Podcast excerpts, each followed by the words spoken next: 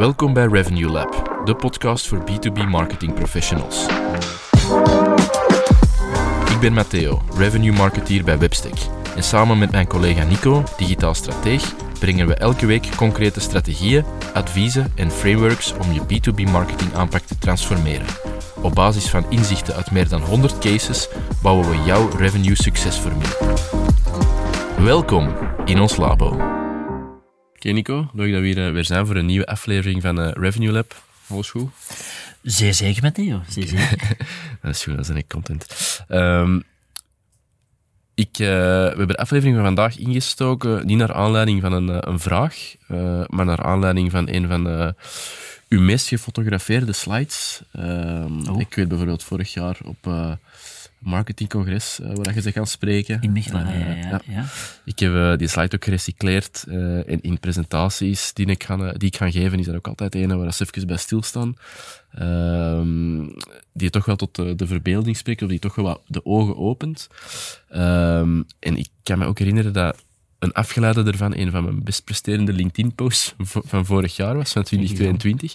Um, ehm, en misschien om het niet meer te veel op te bouwen en te teasen, dat is de rekensom van um, uh, heel hoge aantallen lage intent uh, leads. Dus, dus mensen die dan niet direct klaar zijn om te kopen, die er nog redelijk vroeg in, in hun proces zitten. Um, de kosten die dat je maakt om die te genereren. En ja, wat dat daar op het einde van de rit uitkomt. dus misschien even om dat concreet te maken. Um, je kunt misschien heel hoge aantallen contacten genereren, leads genereren. Uh, om dan heel veel activiteit erop te doen en misschien heel veel ja, sales-tijd en sales-initiatieven op te zetten. Om daar misschien op het einde van de rit niet al te veel uit te halen. Uh, maar omdat die inefficiënties onder de oppervlakte zitten, dat die niet altijd zichtbaar zijn of uh, becijferd kunnen worden, um, dringt het niet altijd helemaal door hoeveel dan een lead werkelijk kost. Of hoeveel dan een, um, een deal werkelijk heeft gekost. Ja, ja, um, dus daar willen we nu vandaag even op inzoomen. En misschien, ik denk dat het relevant is, misschien om die um, die rekenoefening eens een keer door te praten. En een keer uh, uh, de, de, de argumentatie of, of de benchmarks ernaast te leggen. Om echt inzichtelijk te maken dat ja, blijven volhouden aan oppervlaktemetrics en, en CPL's die dat er misschien op de vlakte wel goed uitzien. Um, dat dat niet altijd het hele verhaal uh, brengt. Right. Um, ja, het is uh, inderdaad een topic dat veel voorkomt. En vooral, we hebben het vorige week gehad over uh, vooral de kwaliteit van lied en de kwaliteit van lied en de verschillende definities daar rond. Ja. Uh, haal het hier zeker wel in, uh, vooral dan in het aspect, misschien moet ik het daar ook even in kaderen, van leads die worden gegenereerd. Eén, één definitie over lead te creëren en twee, die ook allemaal op dezelfde manier behandelen, alsof het een lead is die eigenlijk al klaar is om uh, met iemand van het sales team een concreet gesprek te hebben. Ja. Dat is vaak het probleem. Hè? Dus we genereren enorm veel leads die van alle richtingen komen, van alle type campagnes komen. En we gaan die allemaal op dezelfde manier, volgens dezelfde sequentie behandelen, alsof het sales uh, ready leads zijn, dus uh, klaar voor het sales team. En daar gebeuren heel veel inefficiënties die eigenlijk een hele hoge kost met zich meebrengen. Ja. En het is dat, dat we in een, in een rekenoefening uh, eens een keer becijferd hebben. uiteraard is dat niet voor elk bedrijf hetzelfde, maar ik nodig je uit om die oefening eens intern te maken. En dat is uh, af te zetten tegenover de marge of de uh, omzet dat die deals met zich zouden kunnen meebrengen. En dan werkelijk wel eens even de, de rekensom maken of dat het eigenlijk nog wel opportun is vandaag. Um, want dat wordt eigenlijk niet gedaan, hè. Er wordt altijd dat gekeken... Dat ook niet gemakkelijk inzichtelijk zijn. Nee, dat is niet gemakkelijk. Dat is ook niet altijd rechtlijnig. Um, dat is zo. En we kijken vandaag, omdat we en dat is vaak, doelstellingen zijn, ge, zijn uitgesplitst. Marketing heeft een doelstelling over het aantal leads die zij moeten genereren. Sales heeft een doelstelling over omzet die ze moeten genereren. En iedereen heeft zijn microdoelstelling en optimaliseert richting zijn microdoelstelling. Maar eigenlijk overkoepelend wordt er niet gekeken, is dit voor het bedrijf, uh, al het gezamenlijke effort die we gaan doen zijn voor, het, voor de organisatie, is dat, is dat relevant voor het bedrijf? Is dat um, haalbaar, houdbaar voor het bedrijf. En dan, als je dat gaat doen, dan ga je natuurlijk vanuit één doelstelling denken. En dan ga je wel die oefening maken. Het is vaak omdat gewoon die doelstellingen zo gefragmenteerd zijn dat niemand er eigenlijk een vraag over stelt. Ehm, En, en als, als de, de sales- en marketing silo's ehm, meer en meer naar elkaar toe groeien, dan Ja. gaan dit soort oefeningen wel ehm, meer ingeburgerd geraken, denk ik ook. ja, ja, nu denkt niemand erover na, omdat niemand erop afgestaft wordt. Nee. Of niemand er eh, voordeel bij houdt, haalt om dat is eff- effectief tegen het licht te houden. Ja. Maar laten we misschien eh In het rekening vinden. Ik zal het er even eh, bij nemen. Hè. Misschien Ja, even om te, om te kaderen. ehm, we hebben een paar gangbare, misschien naar de optimistische kant neigende benchmarks meegepakt. Ehm, vult die uiteraard in op basis van de cijfers die dat je vandaag zelf haalt. Hè. Ehm, maar dit zou wel representatief moeten zijn in grootorde. Ehm, natuurlijk, als je in een eh, heel specifieke niche zit, ehm, of, of uw ratio's zijn anders, eh, dan gaan de aantallen en, de- en de uitkomst eh, ja. eh, anders zijn We natuurlijk. hebben trouwens dit rekenvoorbeeldje toen eens een keer gemaakt, gewoon als testcase voor eh, een klant van ons. Eh, om eens een keer te kijken van, omdat we hadden daar de discussie over leads en hoeveel leads en wanneer. En hebben we toen eens een oefening gemaakt om gewoon eens even de kostprijs te berekenen. Eh, voor de omzet dat we aan het genereren zijn. En dan kwam eigenlijk die, eh, die concentratie eruit. Hè. Dus stel nu dat je zou zeggen, je hebt, ehm, we genereren 500 marketing leads. Dus misschien even het vertekpunt op, op maandbasis. Eh marketing leads, dat zijn in dit geval mensen die infobrochures downloaden, die e-books downloaden, die whitepapers bekijken, die events, digitale events volgen, bijvoorbeeld. Ehm, of die een algemeen contact, eh, contactformulier invullen. We nemen die allemaal even bij elkaar. Ja, ehm, zijn er 500 op maandbasis. Ja. We hebben toen eens een analyse gemaakt. Het salesteam werkt daar dan op. Hè. Dan refereer ik even naar het begin van onze aflevering.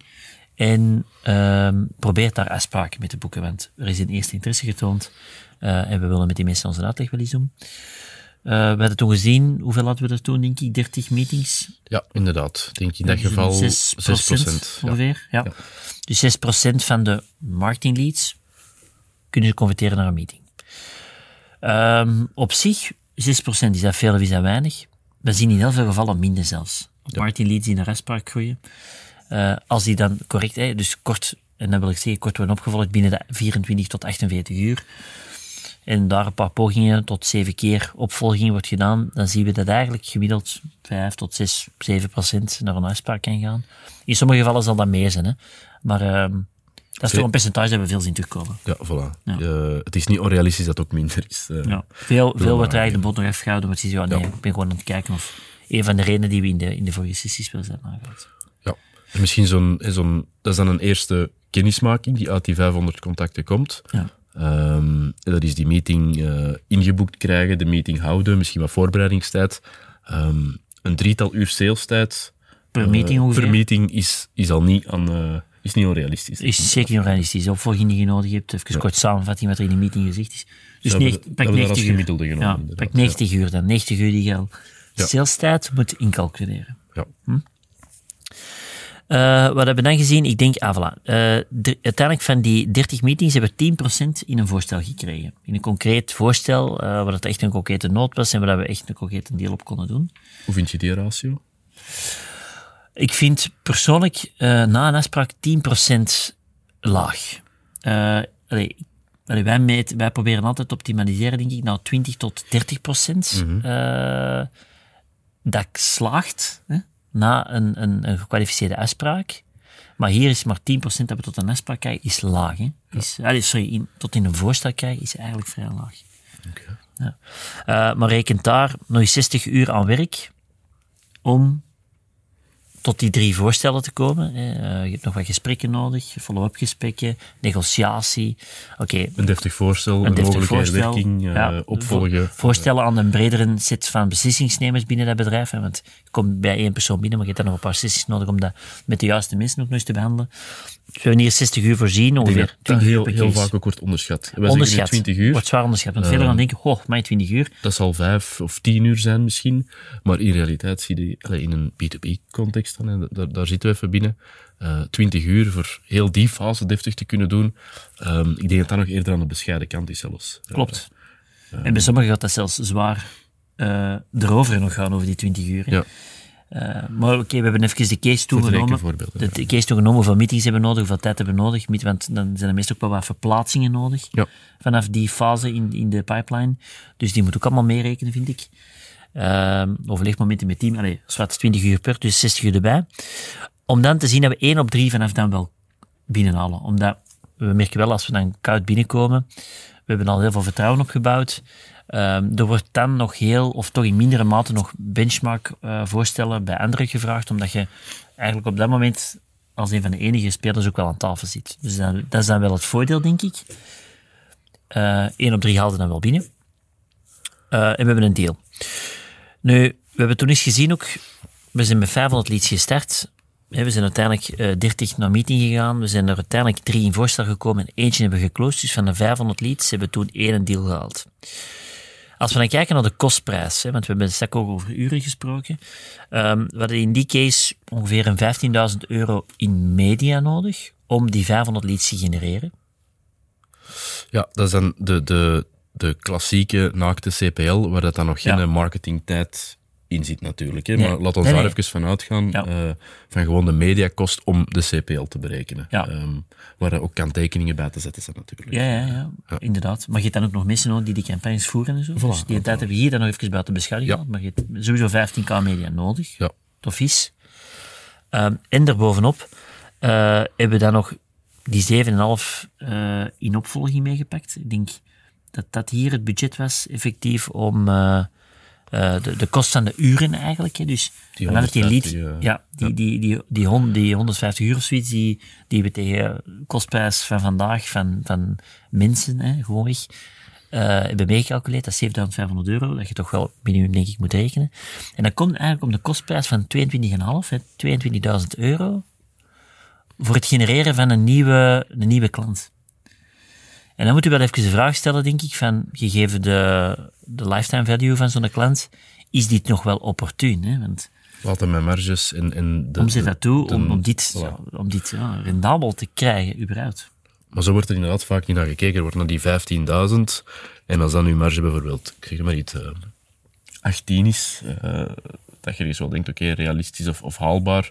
Of hier kunnen we wel mee verder. Maar dan worden er heel veel dingen niet mee in beschouwing genomen natuurlijk. Dus dat is wel confronterend om het zo eens te becijferen en eh, in kaart te brengen. Ja, ja, om maar te zeggen, niet miskijken op aantallen leads en kost per leads, want dat is eigenlijk een totaal verkeerde parameter. Als je het totaalplaatje bekijkt, zijn dat vaak heel dure eh, in functie van de omzet dat gegenereerd wordt. Natuurlijk kun je dan ook wel zeggen, ja, maar het is een deeltje branding.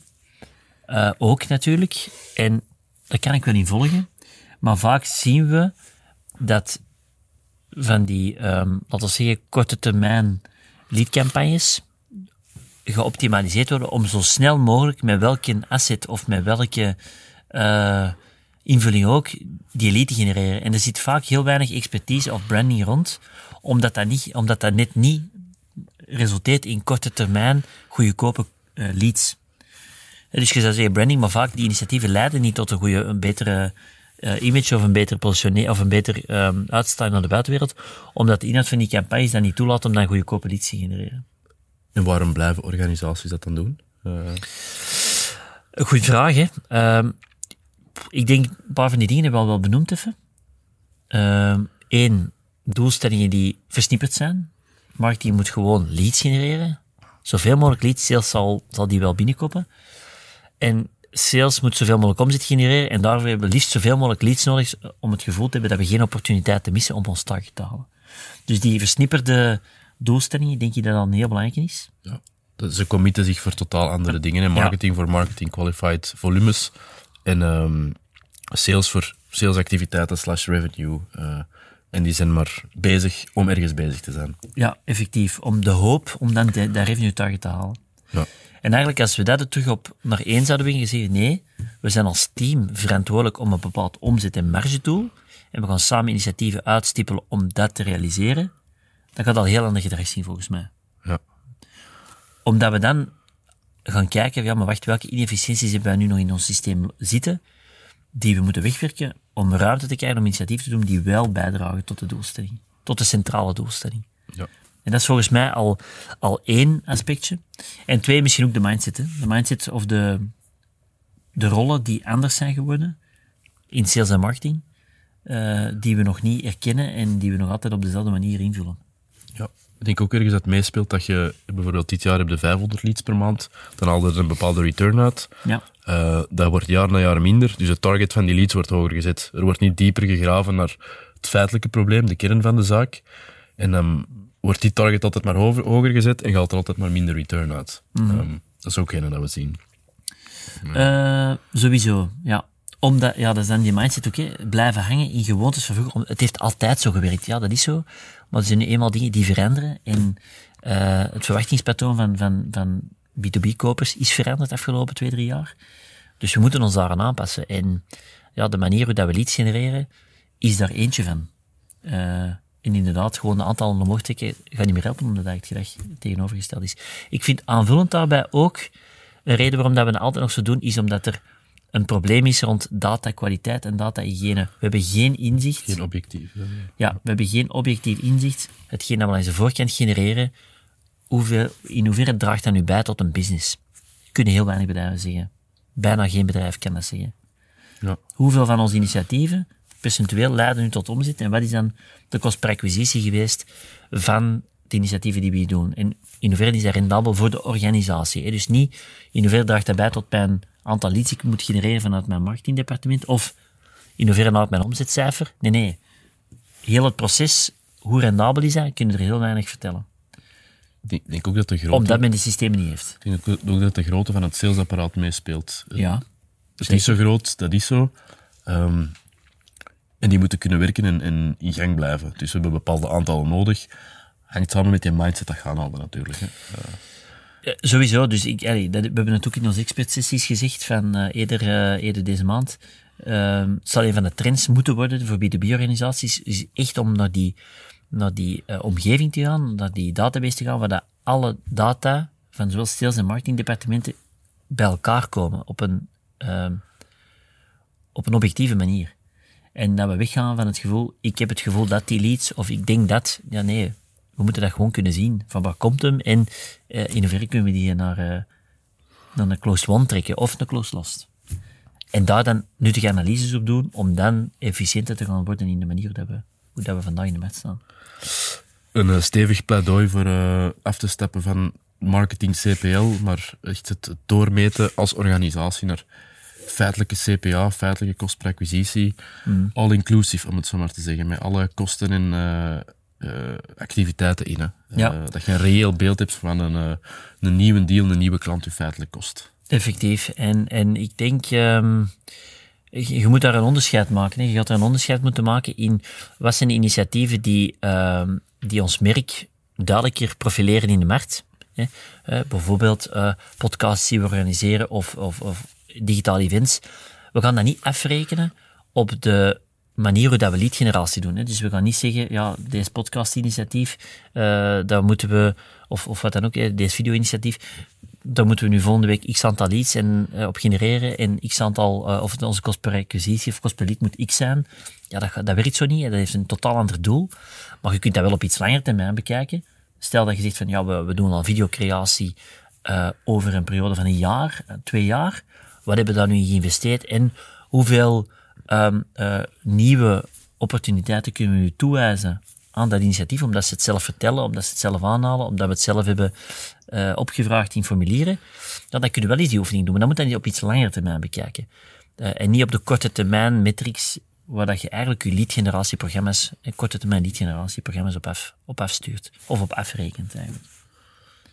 Een goeie, denk ik. Ja. Ehm, Ehm, niet altijd gemakkelijk, hè, want ik, we zeggen dat nu wel. Ik snap dat het niet altijd gemakkelijk is, maar ik denk dat het belangrijk is aan onze kant om dat nu eens even te benoemen.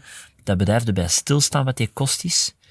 Eh, en dat ze ook eens nadenken hoe dat ze naar bredere initiatieven kunnen gaan, op iets lange termijn wel te bekijken. En wegstappen van de, de red race om het aantal en de kost per lead eh, altijd maar zo laag mogelijk te krijgen. Want het bedrijf, het bedrijf waar dat je natuurlijk allemaal samen voor werkt, die heeft daar niet altijd baat bij. Eh, en eh, dat is toch wel iets waar we stil mee moeten blijven staan. Voilà. Absoluut. Ehm, ik veronderstel, Matteo, ik weet het niet, maar dat we er waarschijnlijk wel iets in de lab van gaan zetten. Eh, misschien dat we de oefening, of de, de slide, misschien dat we de slide, we zullen de slide zo We zullen de slide en, eh, en Ja. de- met de ratio's op en zo. Dan Ja. kunnen die eens eh, naast je eigen cijfers leggen. Voilà. Dus dat zullen we zeker doen, dan kunnen we dan nog eens rustig doorgaan. Ehm, en moesten er mensen zijn die nog vragen hebben over uh, het berekenen van zo'n kost van low intent leads, of dan nog extra bijvragen rond hebben, of nog opmerkingen rond hebben, laat het weten via LinkedIn of uh, via webstack.be slash vraag. Je kunt ook altijd uw vraag uh, insturen. Bedankt alvast voor degenen die het uh, elke week doen. we proberen er altijd wel nieuwe afleveringen rond op te bouwen. En moesten er geen extra vragen zijn, dan zien we jullie heel graag terug tijdens onze volgende aflevering. Tot dan. Merci dat je erbij was voor deze aflevering van Revenue Lab. Vergeet je zeker niet te abonneren om geen enkele aflevering te missen. Heb je een specifieke vraag voor ons? Dan mag je dit altijd inzetten via webstick.be slash vraag. Wil je exclusief toegang krijgen tot onze frameworks, playbooks en Ivaidoni events? Meld je dan aan via webstick.be slash lab. Tot volgende week.